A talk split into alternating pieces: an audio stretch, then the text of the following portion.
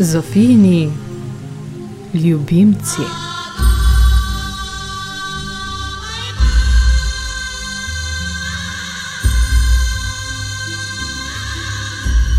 Oddaja za stimulacijo vaše kritične fantazije.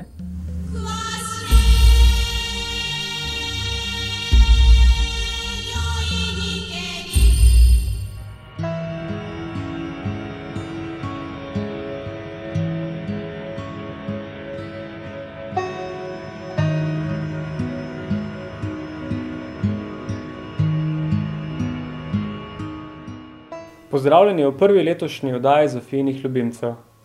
Spomnili se bomo tretje obletnice smrti zelo priljubljenega in pomembnega ameriškega socialnega aktivista in zgodovinarja Howarda Zina. V ta namen bomo prisluhnili dvema kratkima odlomkoma iz njegove monodrame Marks v Sohu. V drugem delu oddaje pa se bomo v kratkih odlomkih z predavanja dr. Sreča Dragoša seznanili z nekaj glavnimi sociološkimi teorijami o revščini. Želimo vam prijetno poslušanje.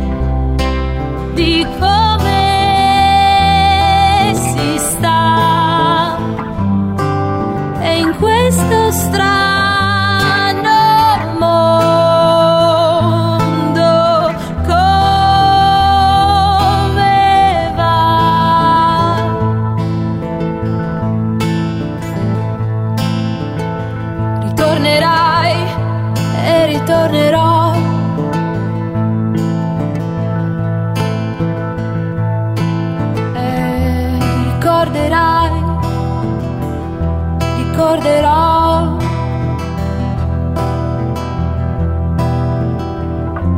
Ritornerai, ritornerò.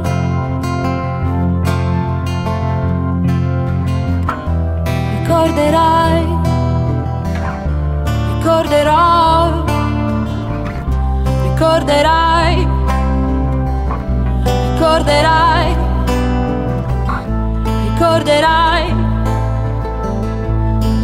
ricorderò, ricorderai, ti ricorderò, ricorderai, ricorderò, ricorderai. ricorderò.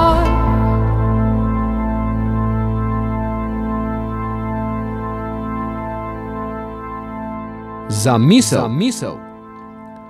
Gojiti upanje v slabih časih ni neumno ali romantično. Temelji na dejstvu, da je človekova zgodovina ne le zgodovina krutosti, ampak tudi sočutja, žrtvovanja, poguma, prijaznosti. In če smo že kakorkoli aktivni, gotovo ne rabimo čakati na neko veliko utopično prihodnost. Prihodnost je neskončno nasledstvo sedanjosti in živeti, kot bi ljudje morali živeti, z uporom do vsega slabega okrog nas, je samo po sebi veličastna zmaga. Howard Zinn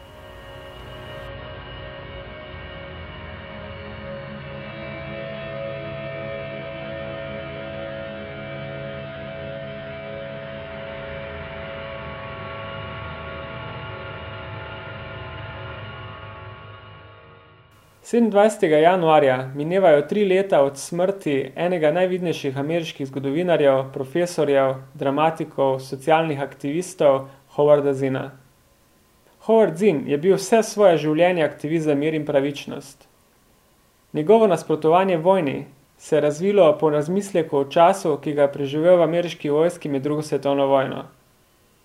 Pozneje je kot svetovalec študentskega koordinacijskega odbora za nenasilje na Spelmanovem koledžu v Atlanti, Georgia, sodeloval v gibanju za državljanske pravice.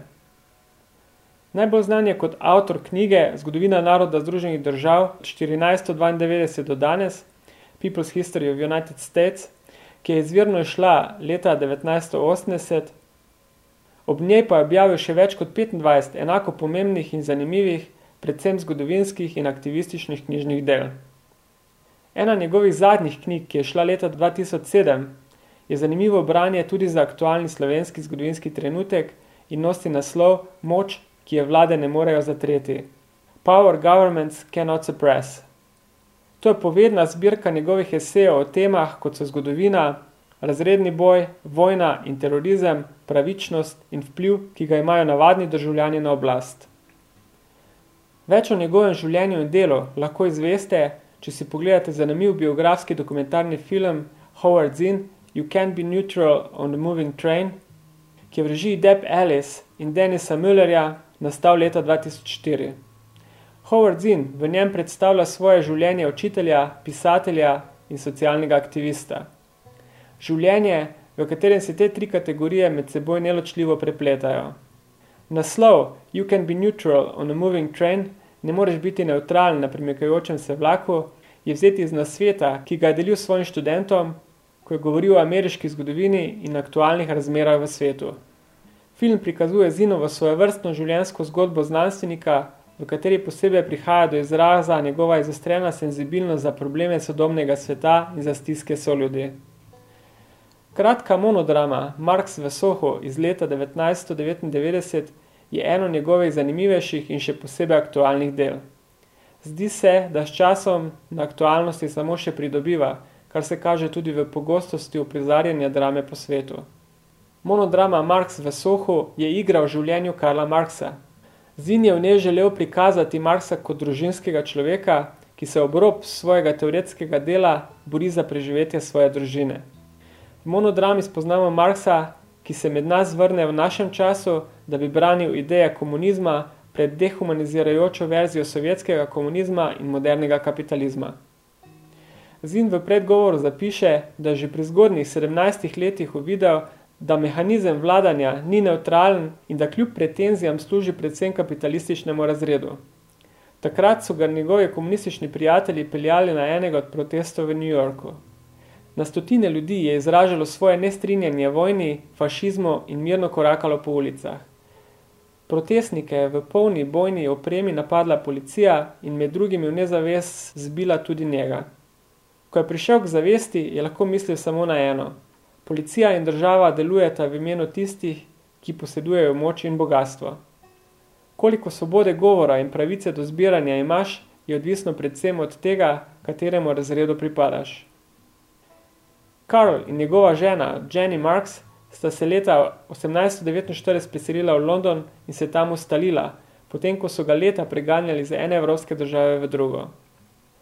Živela sta v nemarnem predelu Londona, ki se imenuje Soho. Igra je sicer postavljena v istoimenski predel sodobnega New Yorka. Revolucionarji iz cele Evrope, ki so prihajali v London, so obiskovali njegov dom in prav ta prizor, Marksa, ki sedi doma ob svoji ženi in ščirki Eleanor, jezino predstavlja osnovni nadih za dramo.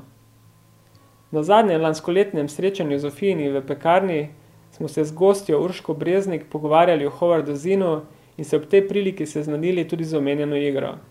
Spomin na Howarda Zina bomo danes prisnuhnili dvema kratkima odlomkoma iz monodrame Mark z Vesoho.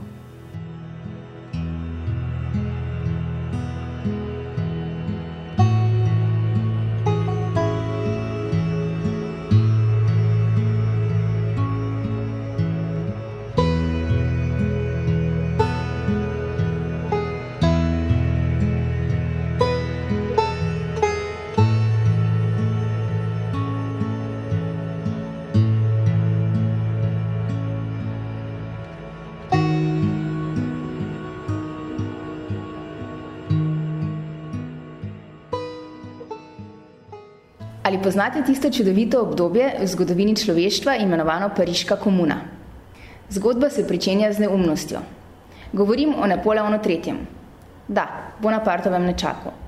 Klovn, zabavljač, ki se nasmiha množici in medtem ko 16 milijonov francoskih kmetov živi v temnih levih, njihovi otroci pa umirajo od lakote. Ampak, ker je vzdrževal zakonodajno oblast, ker so ljudje volili, so menili, da imajo demokracijo.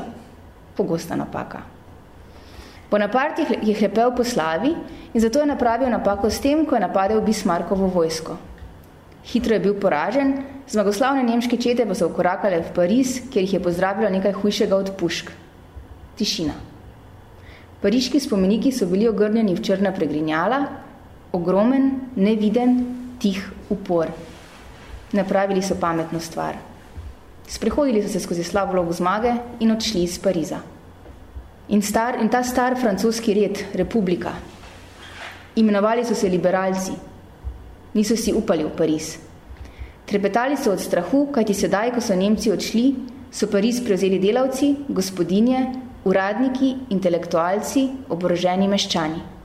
Pariško ljudstvo ni izoblikovalo vlade, temveč nekaj veliko bolj veličastnega. Nekaj, čežer se vlade povsod bojijo. Komuno, kolektivno energijo ljudstva. To je bila Commune de Paris. Ljudje so se srečevali 24 ur na dan, po vsem mestu, v skupinah po trije ali štirje, skupaj sprejemali odločitve, medtem ko je mesto polila francoska vojska in grozila, da vsak čas udre. Pariz je postalo prvo osvobojeno mesto na svetu. Prva enklava svobode v tiranskem svetu. Bakuninu sem rekel, ali želiš vedeti, kaj mislim z diktaturo proletariata? Poglej si pariško komuno, To je prava demokracija. Ne pa demokracija Anglije ali ZDA, kjer so volitve cirkusi, kjer ljudje glasujejo za enega ali drugega varuha starega reda, kjer katerikoli kandidat že, že zmaga, bogati še naprej vodijo državo. Pariška komuna. Živela je samo nekaj mesecev, ampak bila je prvo zakonodajno telo v zgodovini, ki je zastopalo revne. Zakoni so bili narejeni zanje. Odpravilo je njihove dolgove, prestavilo plačilo njihovih, njihovih najemnin, prisililo zastavljalnice, da so jim vrle njihove najbolj potrebne lastnine. Niso hoteli sprejemati višjih plač od tistih, kot so jih dobivali delavci. Zmanjšali so delovni čas pekom in nameravali omogočiti prost stop v gledališče za vse. Sam veliki kurbe, čigar slike so osupnile Evropo, je predsedoval Federaciji umetnikov. Ponovno so odprli muzeje, ustanovili komisijo za izobrazbo žensk, nekaj nezaslišanega, izobrazba za ženske. Izkoristili so zadnje dognanje znanosti, balon lažji od zraka in izpustili enega na pot iz Pariza proti podeželju, da so iz njega trosili lističe za kmete s preprostim, močnim sporočilom. Sporočilom, ki bi ga morali raztrositi, raztrositi delavcem posod po svetu. Naši interesi so isti. Komuna je razglasila namen šol. Učiti otroke, da ljubijo in spoštujejo sobitja. Prebral sem neskončne debate o izobraževanju. Neumnost. Učijo samo to, kako uspeti v kapitalističnem svetu. Ampak ali učijo mlade, da se borijo za pravičnost? Komunardi so razumeli pomen tega. Izobraževali so ne samo skozi svoje besede, temveč tudi skozi svoje dejanja. Unitili so giljotino, ta inštrument tiranije, celo revolucionarne tiranije. Potem so se, oblečeni v rdeče rute, noseči ogromen rdeč transparent, z zgradbami obdanimi z rdečo svilo, zbrali ob fantomskem stebru, simbolu vojaške moči, ogromnem kipu z bronasto glavo Napoleona Bonaparta. Voz so povezali z glavo in glava je strmela, izgrmela na tla. Ljudje so splezali na ruševine. Rdeča zastava je plapolala z podstavka. Podstavek sedaj ni več pripadal eni deželi, temveč vsej človeški vrsti. Prisotni moški in ženske so jokali od veselja. Ja, to je bila pariška komuna. Ulice so bile zmeraj polne, povsod so se razvijale diskusije, ljudje so si delili stvari, Izgledalo je, da se pogosteje smejijo. Vladala je prijaznost. Ulice so bile varne, brez kakršne koli policije. Ja, to je bil socializem. Seveda ta primer, primer komune, ni mogel biti dopuščen. In tako so vojske republike ukorakale v Pariz in pričele s klanjem. Vodje komune so bile pripeljani na pokopališče Père Lachaise, postavljeni pred kamnit zid in ustreljeni. Skupaj je bilo ubitih 30 tisoč ljudi.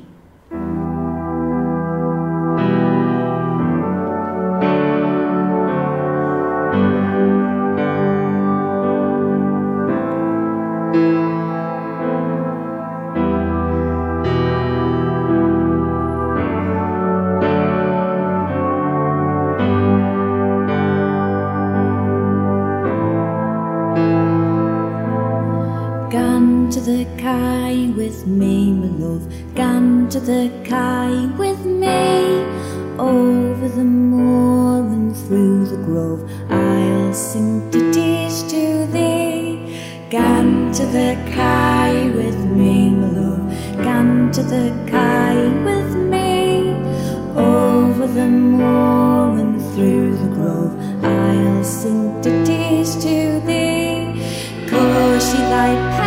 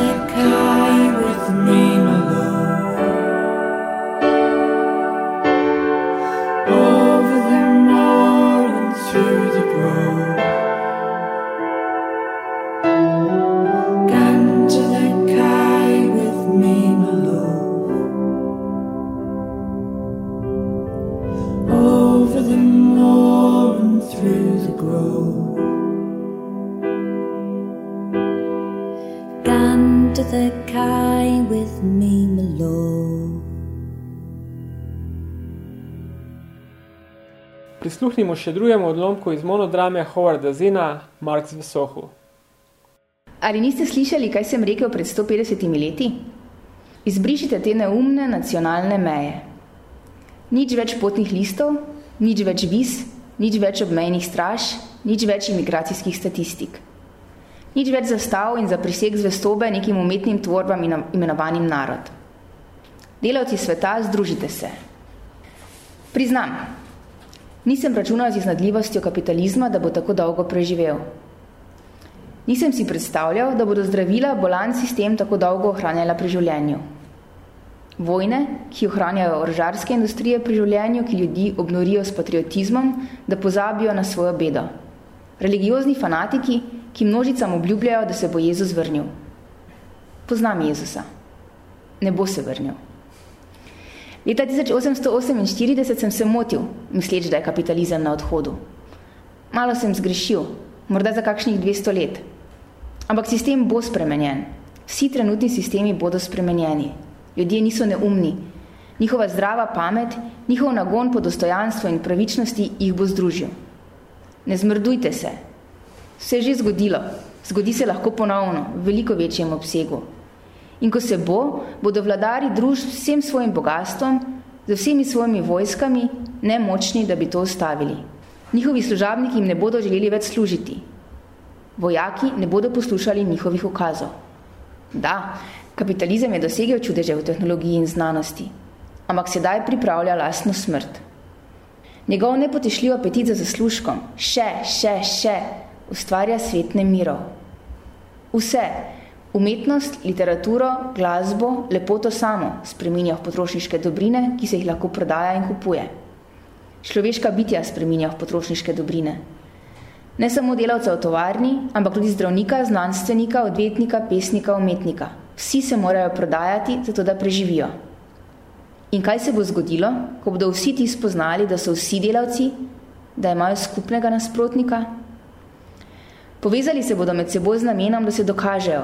In povezali se ne bodo le v svoji lastni državi, kajti kapitalizem potrebuje svetovni trg. Njegov krik je prost trg, če se mora neomejeno premikati po svetu, da ustvarja zaslužek. Še, še. A s tem, ko to počne, nenamerno ustvarja svetovno kulturo. Ljudje prečkajo meje, kot če nikoli poprej. Zamisli prečkajo meje. Nekaj novega bo gotovo nastalo iz tega. Ko sem bil leta 1843 v Parizu, sem zapisal, da nov industrijski sistem odtujuje ljudi od njihovega dela, saj se jim le to upira. Odtujuje jih od narave, medtem ko stroji, dim, smrad, hrup napadajo njihove čute. To imenujemo napredek. Odtujuje jih od drugih, saj med seboj tekmujejo za preživetje. In odtujuje jih od njih samih, saj živijo življenja, ki niso njihova. Živijo kot nočejo živeti, prijetno življenje je zanje možno le v sanjah, domišljiji. Ampak ne rabi biti tako. Še zmeraj obstaja možnost izbire. Res da samo možnost. Nič ni zagotovljeno, to je sedaj jasno. Poprej sem bil preveč gotov, sedaj vem, vse se lahko zgodi. Ampak ljudje morajo dvigniti riti. Ali vam to zveni preveč radikalno? Zapomnite si, biti radikalen pomeni zagrabiti bistvo problema. In bistvo smo mi. Imam predlog.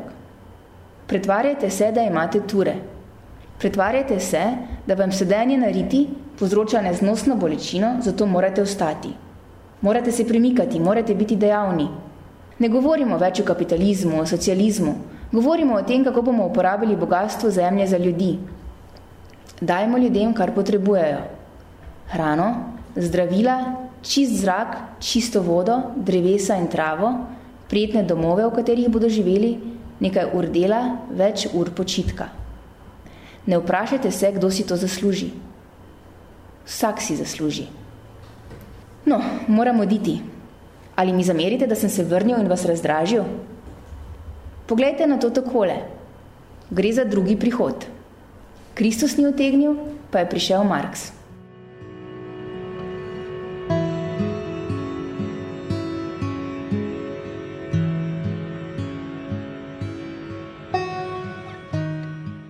Odlomka je prevedla in prebrala Urška Breznik.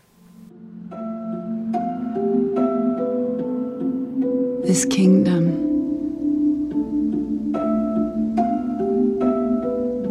This amazing kingdom we have made.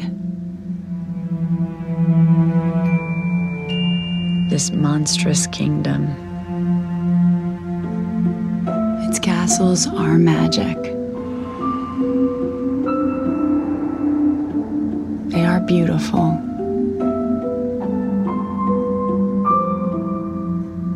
They are built on dreams and iron and greed. They are inorganic and cannot sustain. No kingdom lasts forever. Even this will end. And life and earth will reign again.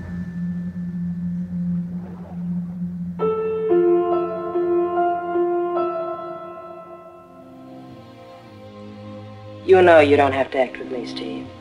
You don't have to say anything and you don't have to do anything. Not a thing. Oh, maybe just whistle. You know how to whistle, don't you, Steve? You just put your lips together and blow.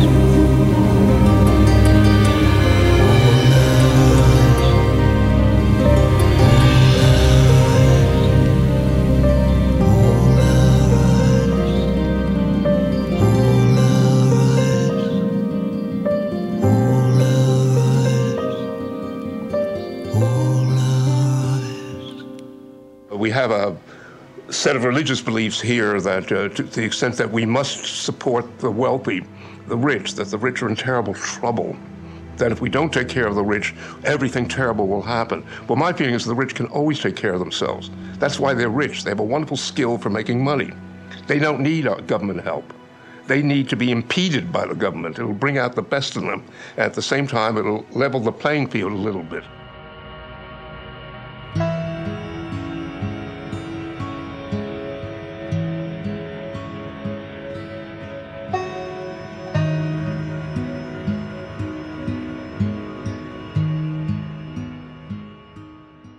Vseh ravneh, v vseh okoljih in na mnoge, tudi nasprotujoče si načine, se dan danes razpravlja o revščini. Mnogi ugotavljajo, da je to pojav, ki se svojim poglabljanjem in s tem, ko je zaradi revščine prizadetih vse več ljudi, resno načenja družbene vezi. Hkrati pa mnogi, zlasti tisti, ki s svojim delovanjem največ prispevajo k širjanju revščine oziroma s svojim nedelovanjem ne prispevajo k blažitvam revščine in njenih posledic, ta pojav omalovažujejo in kar je še huje, odgovornost za revščino prelagajo na revne. Kaj pravzaprav je revščina? Je revščina vedno vidna ali pa lahko govorimo o revščini tudi takrat, ko prizadeti tega ne kažejo? Kakšen je bil in kako se razvija odnos družbe do revnih? Ali pa je sam pojav revščine v vseh njenih oblikah predvsem posledica tega odnosa? V svetu, v Evropi in pri nas je problematika revščine izražena predvsem skozi pomankanje dobrin, zaradi krize iz dneva v dan bolj pereča. V seriji predavanj in razprav, namenjenih obravnavanju revščine, ki vsak torek v času med 15. januarjem in 26. marcem 2013 potekajo v kulturnem inkubatorju v Mariboru, je v torek 22.1. pod naslovom Dolgotrajna revščina postane kultura predaval dr. Srečo Dragoš z Fakultete za socialno delo Univerze v Ljubljani, kjer deluje na področju sociologije, socialnega dela in socialnih politik. Je znan raziskovalec, religij in aktivist, katerega cilji so usmerjeni predvsem v iskanje poti za premagovanje revščine. V svojem predavanju pa je pojasneval predvsem dolgoročne posledice, ki jih trpijo tako prizadeti kot družba v celoti, kadar postane revščina trajna, tako rekoč podedovana in preko tega brezizhodna. V nadaljevanju oddaje bomo v nekaj kratkih odlomkih iz predavanja prisluhnili dr. Srečo Dragošo in šestim, oziroma, kot pravi sam, petim premisleka vrednim teorijam o revščini.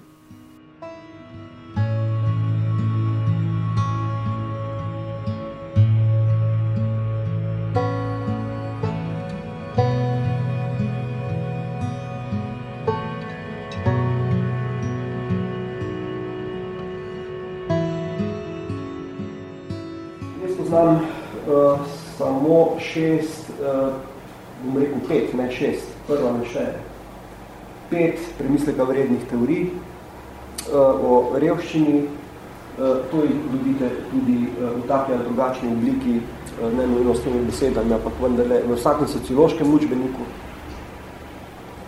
Nač, nova zadeva, mislim, ni nova zadeva, stara tam, rekel, sredine prejšnjega stoletja, In sicer, no, najstarejše je tisto, kar se prodaja za teorijo, individualistična teorija, katere bistvo je, pod številko ena, seveda, eh, revščina, ja, problem, ampak eh, eh, eh, za revščino je kriv vsak sam, ne? zakaj se pa ne potrudi, ne? imamo trg, imamo, ljudje se morajo malo potruditi in tako naprej. To ni teorija, prvi je na svetlo prinesel sociologiji Spencer, ampak eh, bil že takrat kritiziran. Danes Sloveniji prevladuje ta prva teorija. Ne samo pod neoliberalci. V Sloveniji prevladuje ta teorija že pod prejšnjo Pahorjevo vlado. Spomnite se, s kakšnimi argumenti bom uh, naj uh, pogoste omenjanega povedal. Začel uh, bivši minister Svetlik, to ni bila desničarska vlada, bila prva levičarska vlada v Sloveniji. Ne? Začel uh, uh, reformo uh, sistema socialnega varstva z istimi argumenti kot njegov predhodnik, ki ni dolgo zdržal, če se ga še spomnite, Drobnič, minister Drobnič. Uh, in sicer uh, ljudje špekulirajo. Ne? Argument se je glasil, uh, ljudje, ki so v revščini, odvisno od socialnih transferjev, goljufajo. Treba je zdaj narediti konec tem goljufijam vedno najte, dajnete nekoga, ki se pripelje z Mercedesom uh, po socialno pomoč na centre, socialno delo in tako naprej. Ne? S tem argumentom se je začelo. Drugi argument je bil, tega smo uvozili, uh, to so variacije prve teorije, sam da vam ilustriram. Drugi argument je bil, uh, ljudi v revščini je treba, kot se reče, naučiti ribe, loviti, sicer, če ostanejo na socialnih transferih, postanejo odvisniki. To je argument, ki se je iz Amerike eh, širil prvo v Anglijo, iz Anglije pa v Evropo in mi smo bili med tistimi v Evropi, ki smo z vsemi štirimi ugrabili ta argument. Se pravi, eh, da ne boste naredili socialnih džankijev, ne, odvisnežev, eh, in je treba skatirati socialne pomoči, oziroma to se naredi bolj nežno, ne, če že ne, nominalno, jih nominalno zamrzneš, ker grejo stroški gor, hkrati jih pa pogojuješ, pogojuješ dostop do socialnih pomoči, eh, eh, jih bolj nadzoruješ in tako naprej. To so vse variante, variacije te iste uh, teorije.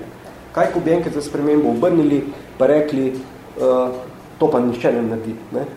pa rekli, aha, uh, problem našega gospodarstva je, da ljudje kradejo, ne? zlasti recimo menedžerji, pa bi začeli recimo menedžerje loviti Razumete, ne? če bi isti kriterij za spodne uporabili tudi za zgornje. Tu se pa seveda vse zatakne.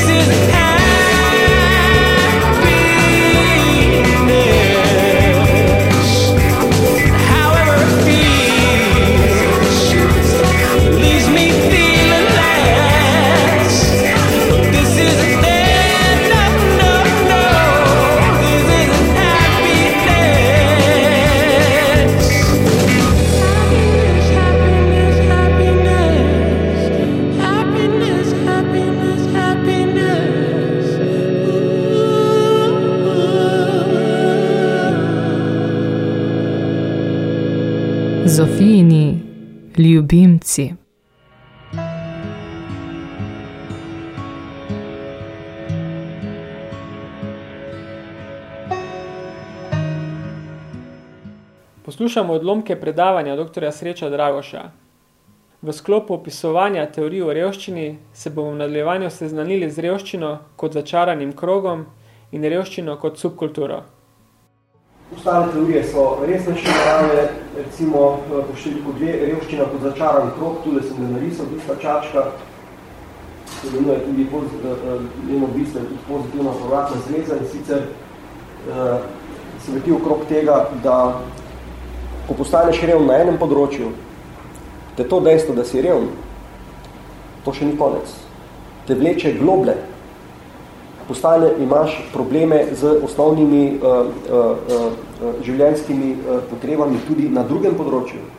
Ko imaš pa na dveh področjih, slej ko prej boš imel probleme tudi na treh in tako dalje. Ne?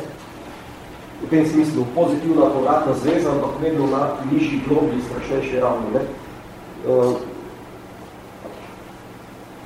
Leta 62, ali 61, se mi važno, uh, 63, uh, Kaplovic, David Kaplovic je napisal knjigo The poor pay more, revni plačajo, plačujejo več. V tej knjigi vsi to poznamo, te primere. Uh, navaja uh, prav raziskava, ne? navaja take stvari, recimo uh, cena hrane, cena stanovanj. Najbolj drago plačujejo hrano in stanovanja reveži, bolj kot srednji sloji, celo bolj kot uh, višji sloji, glede na kakovost, ki jo dobijo in glede na ceno, ki jo plačajo. Uh, logično, ne, če nimate doma hladilnika, naprimer, uh, boste se dražje prehranjevali, kot pa jaz, ki imam hladilnik, ker boste morali vso hrano uh, sproti uh, kupiti in to je dosti draže. Uh, potem pa primerjate, ne, izbirate cenejšo hrano, uh, jasno, in potem primerjate kakovost, pa ceno in tako naprej. Enako je za stanovanje. Uh, uh, uh, v najrevnejših četrtih so bila dražja stanovanja kot pa v luksuznih, glede na primerjava kakovost cena. Uh, vprašanje avtomobilskih zarovanj. Uh, uh, najdražja zarovanja za avtomobile, za isti tip avtomobile je bil logično, ki je v revnih četrtih, ker je večja stopna kriminala in tako naprej in zarovanice nabijajo ceno bolj kot pa v drugih četrtih, ki niso revne. Cene artiklov v trgovini v revnih četrtih so dražje, višje od artiklov v trgovinah, ki niso v revnih četrtih. Zakaj? Zaradi tega, ker v revnih četrtih manjša kupna moč, trgovci ne morejo na zalogo nabaviti živil, uh, uh, ker jih ne morejo na zalogo, ker jih ne morejo ne, uh, prodati, niso deležni trgovci, lastniki trgovin, niso deležni vele popustov pri vele trgovcih in potem te stroške prilijajo cene in tako naprej. Revščina kot začaran krok je kot živ pesek. Ne? Uh, enkrat stopite noter, začnete miga, da bi ven prišli, ampak vas vleče še globje. Problem s to teorijo uh, je seveda, da uh, dobro ilustrira bi rekel, to, kaj se dogaja z revnimi ljudmi, ne pojasni pa, se s tem tudi ne ukvarja, zakaj sploh ljudje stopijo v živi pesek, kaj, kaj so vzroki revščine, kaj jih rekel, eh, prisili, da sploh postanejo revni, ampak se osredotoča, kot rečeno, samo na to, kaj se z njimi potem dogaja. Eh, pod številko tri je eh, revščina kot kultura oziroma subkultura. Tu se, to je teorija iz 50 let, Oscar Lewis, on je, on, antropolog sicer, on je, je prvi formuliral obsežna terenska raziskovanja eh, v, v eh, slamih, v, v Meksiku, Portoriku in tako naprej, eh, izhajal je iz dveh tez. Namreč vprašal se je, kako je to možno in ali je to res in bolj je to preverjal in je videl, da je res. Namreč prvič tisti, ki so v revščini, živijo zelo najbolj oziroma radikalno drugačno življenje od vseh svojih ostalih državljanov, ki niso v revščini imajo povsem drug drugačen način življenja zaradi pomankanja sredstev in tako naprej. Hkrati so si pa najbolj podobni s kom, kot rečeno, ne svojimi državljani, ampak z reveži v drugih državah.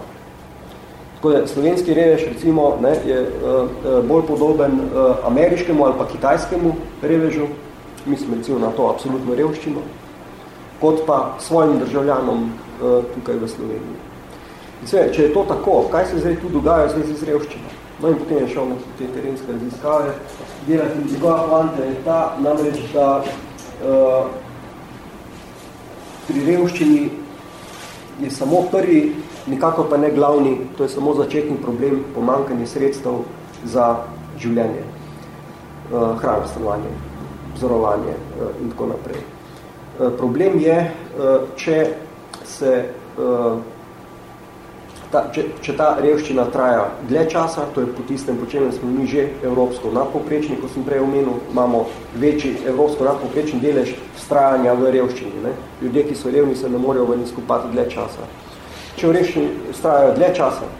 To pomeni, da eh, se jim v revščini rodijo tudi otroci. Ko se otroci rodijo v revščini, pa dobijo revščino tako rekoč eh, nedobesedno vzeti z materinim mlekom. Ne. Rodijo se revnim staršem, ki so tudi brez izobrazbe, v revnih četrtih, kjer ni delovnih mest, kjer ni šol eh, in tako naprej.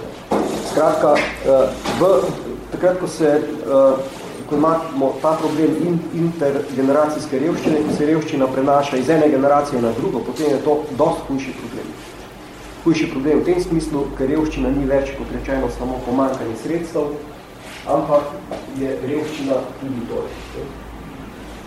Ljudje, eh, otroci se od malega rodijo v vzorce revščine, alkoholizem eh, in tako naprej, kako, uh, čim prej skušaš iti od doma, da ne obremenjuješ doma proračuna, ker te ne morejo preživeti, kako to narediš. Jasno, da ne, da bi šel v šole, to ni najhitrejša pot od doma, tam šol sploh ni ali pa ni denarja in tako naprej za uh, šole, uh, potem je pa uh, recimo ni delovnih mest in polje sivi ali pa črni trg, ne, uh, prostitucija, droge uh, in podobno.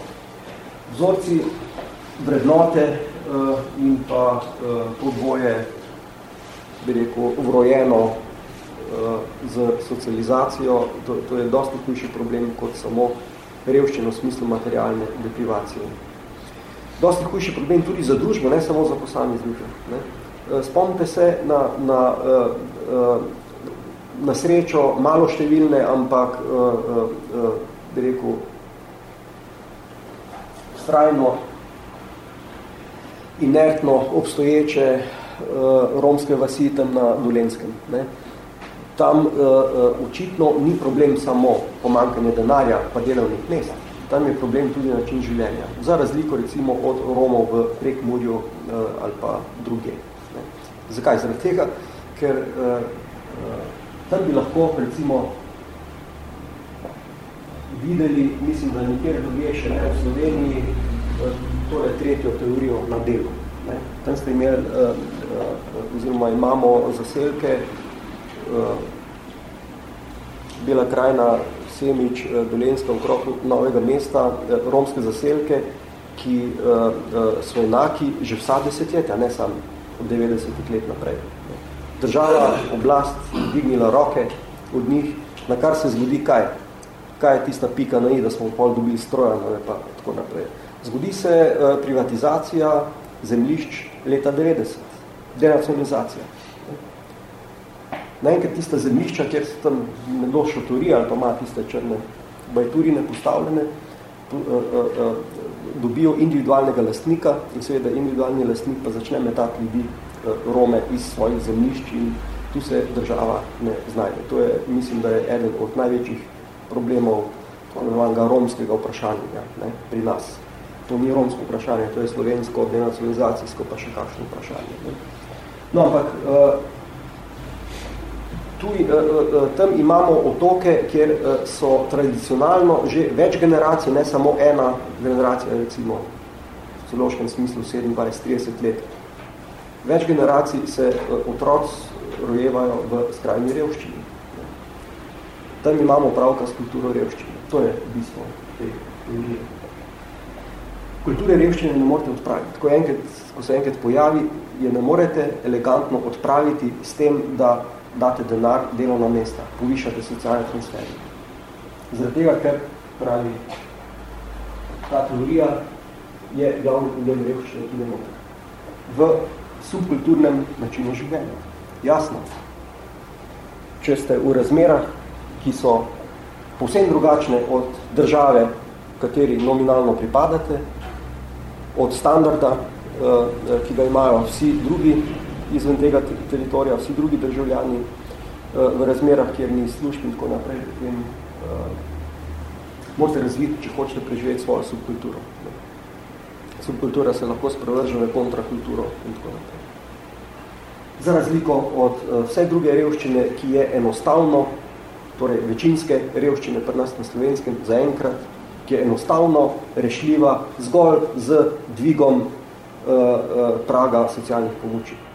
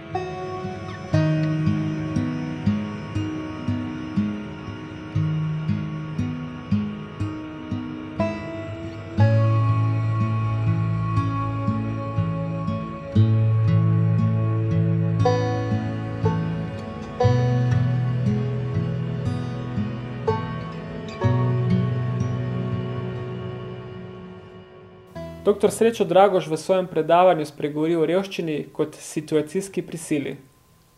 Eh, četrta teorija se je uh, razvila kot reakcija na tretjo teorijo. Kaj se je s tretjo teorijo zgodilo? Namreč revščina, problem kulture, ne samo materialne deprivacije, ampak kulture, ljudje postanejo korekoč odvisni od subkulture preživetja, ki so jo morali razviti, s katero so se adaptirali, ker drugih možnosti niso imeli in seveda kulture pa ne moraš spreminjati z ali uh, kaj podobnega. Ne. Zgodilo se je to, da na podlagi uh, te teorije Oskarja Luisa, pa ni kriv njen avtor, ne, ki jo je razvil v 50 letih, 50 letih uh, uh, je bila zelo velika, veliko večja zagnanost za reševanje revščine v Ameriki, v Združenih državah Amerike, kot uh, kadarkoli kasneje. V 50 letih, uh, uh, tam do 60. 65. leta, so imeli američani zelo dobre programe za reševanje revščine, vendar te programe so začeli usmerjati že v 50 letih po tretji teoriji eh, v skladu z revščino kot subkulturo, kar je pomenilo, da uh, ne daješ denarja revežem. Revščino sanirati kakorkoli z velikimi napori, z, z zelo dobrimi programi, recimo en program je narediti Eh, neke zaposlovalnice za ljudi brez posla v revnih eh, četrtih in tudi te poslovalnice, eh, ki iščejo delo in usposabljajo brezposelne za te minimalne veščine, te poslovalnice date v roke brezposelnim, ne tako kot pri nas. Ne? In podobno. Ne?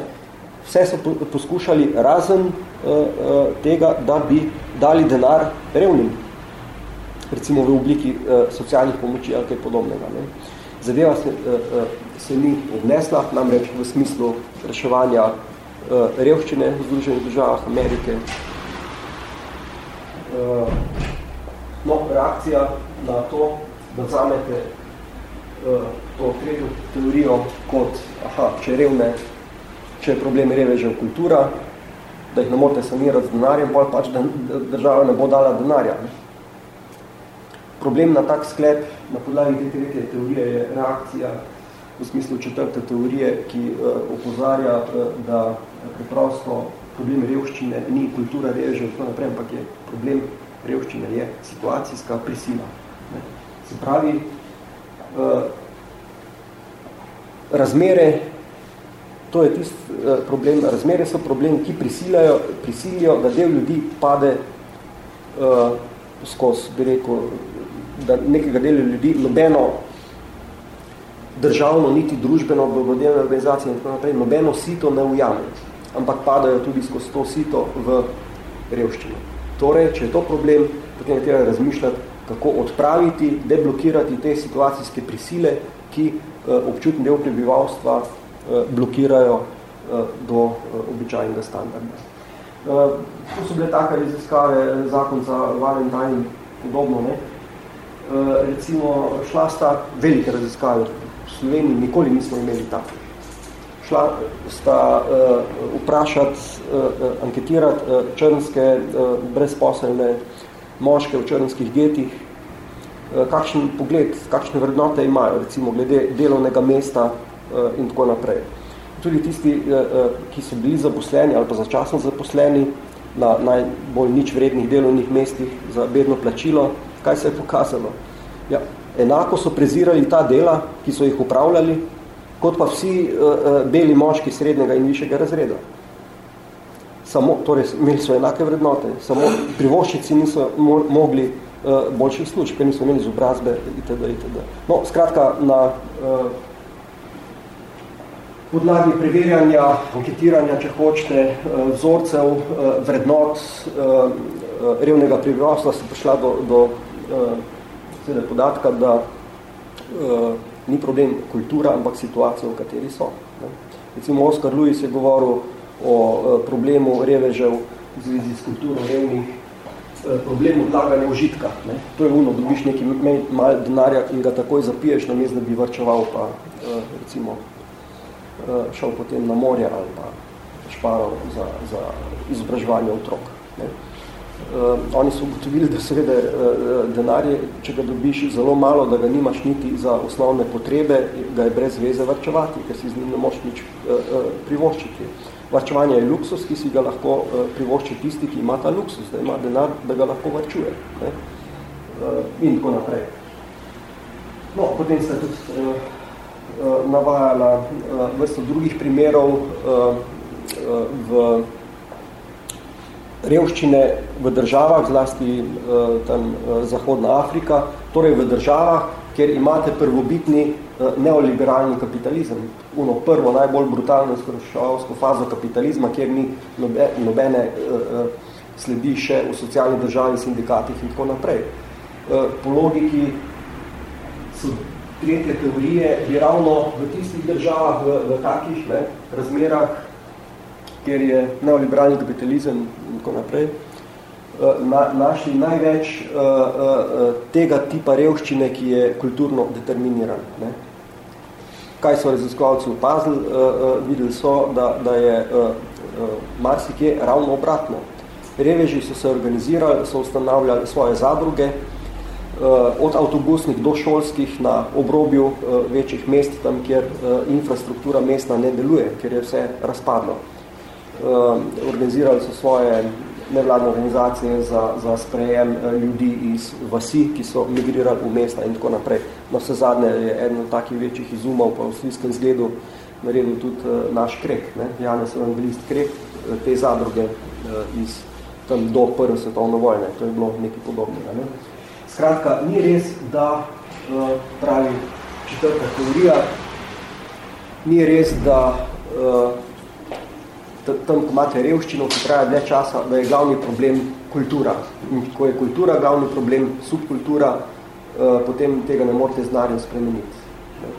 Ni res, da imate fatalizem, da imate kriminal, da, da tam družba razpada uh, in tako naprej. Tudi, uh, kot rečeno, reveži se lahko tudi sami organizirajo in podobno. Problem so situacijske prisile. Tu ne bi sam dodal, ne, ker jaz sem napovedal, da bom o tem govoril, ne, zdaj pa kritiziram, ne, v čem je štos. Namreč, namreč tretjo teorijo. Ne. Uh, zadeva je uh, mislim, da je to poanta. No. Uh, še hujše od revščine je kultura revščine. To tretja teorija dokazuje. Dilema je, uh, kje in kdaj se razvija ta kultura. Ali se vedno, ali se pa ne. In to je velika dilema. Namreč uh, imate uh, področja, kjer se reveži organizirajo in razvijajo povsem drugačno kulturo in te, družbo, v kateri so integrirajo, namreč tisto margino, na kateri so. In imate pa druge primerje, kjer se pa ta margina tudi dezintegrira, se pravi, gre ravno v nasprotno smer. Kaj zdaj iz tega ven sledi? Iz tega sledi, da najprej, ko imate nek, uh, neko področje ali pa kategorija prebivalstva revnih, najprej je treba poskrbeti, da se ta revščina ne bo spremenila v tisto, kar je najhujše, intergeneracijsko revščino. Če imate intergeneracijsko revščino, potem je pa treba testirati. Testirati v smislu. Najprej se ravnate po četrti teoriji, treba je odpraviti situacijske prisile, povišati socialne pomoči, šele tam in takrat, ko to nadaljuje, pa imate zelo verjetno upravka s kulturo revščine.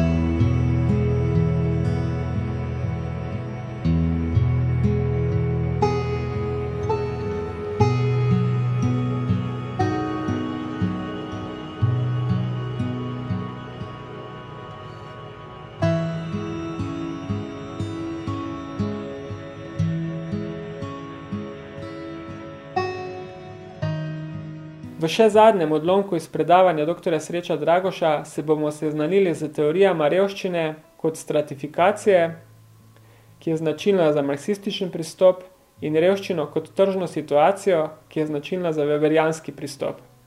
Problem s peto teorijo je uh, seveda v tem, da uh, poleg intelektualne pronicljivosti uh, se mi zdi zelo nevarna. Ne?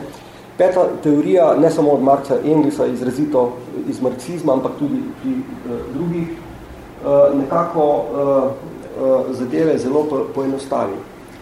Uh, prvi problem je, da problem revščine izenači, to je tisto, kar preseže weberijanski pristop, revščino enostavno izenači je enako z stratifikacijo. Marksizem pravi, s čim imate vi razrede, zgornji pa spodnji razred, ali pa različne sloje, ne, če hočete, na znotraj.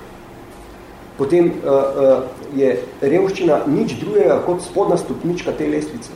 Torej, če hočete revščino odpraviti, morate sesuti lestve, morate uh, uh, ukiniti uh, stratifikacijo.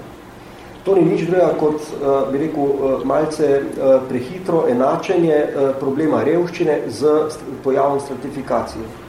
Tudi, če se s tem ne strinjamo, je veliko argumentov, da bi se ki jih je šesta teorija priskrbela.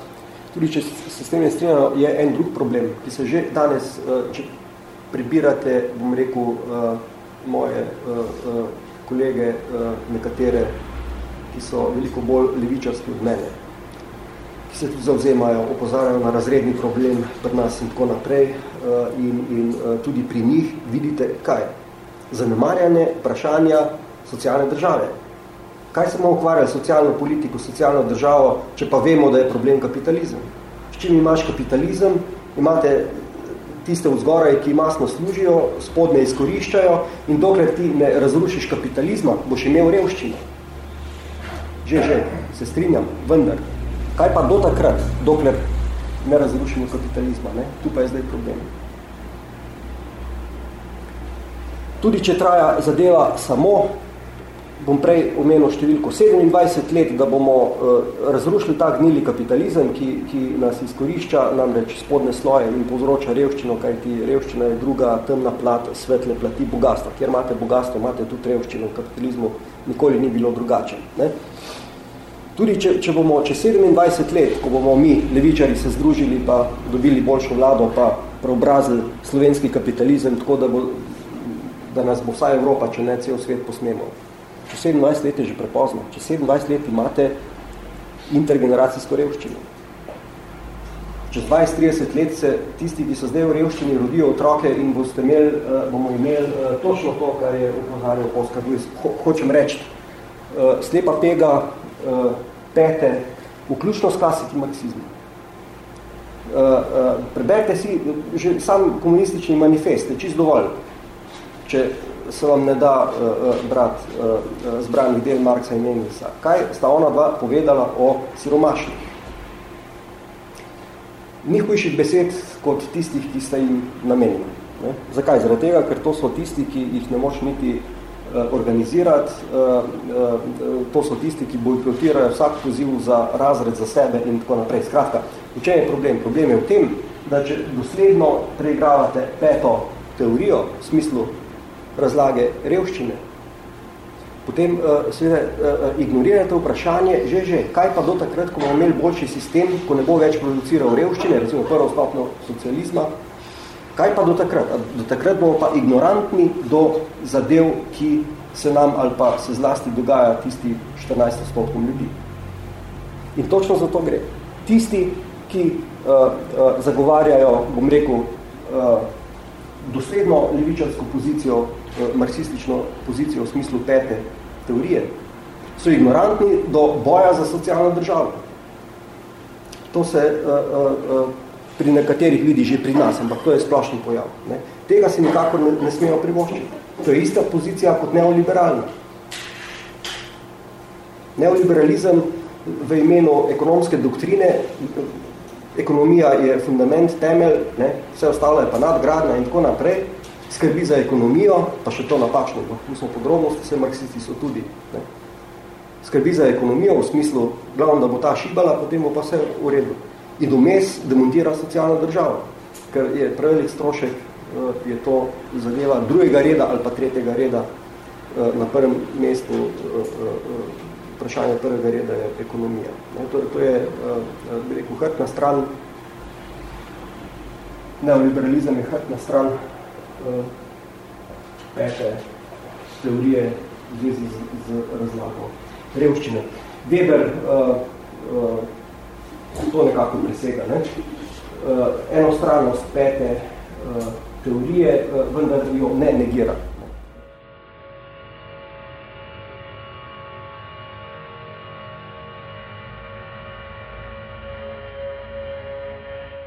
V celoti lahko posnetek predavanja poslušate na naši spletni strani zofijni.net.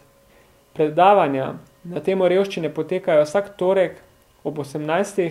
v kulturnem inkubatorju v Mariboru. Natančni program predavanj lahko prav tako najdete na naši spletni strani zofijni.net. Vabljeni.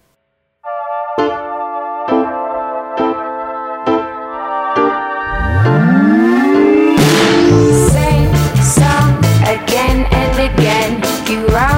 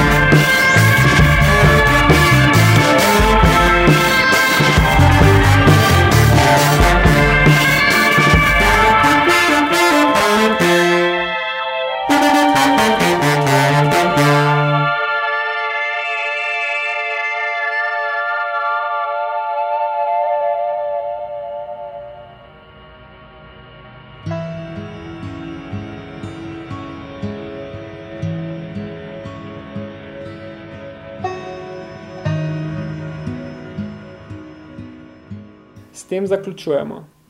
Zahvaljujemo se vam, da naši podcast oddaje namenjate svojo pozornost. Hkrati pa vas kot že nič kolikokrat vabimo tudi k sodelovanju. Je enostavno in če boste ustrajni, lahko postane tudi zabavno. Kaj in kako izveste, če preverite našo spletno stran ali nam pišete na mail naslov zofini.afna.gmail.com V glasbenem delu današnje oddaje smo v podlagi skozi oddajo poslušali komad z naslovom Enchantment, avtorja Johna Wellerja, ki mu drugače lahko prisluhnete v spletni bazi internet arhive arhive.org. Srečno do naslednje prilike. thank you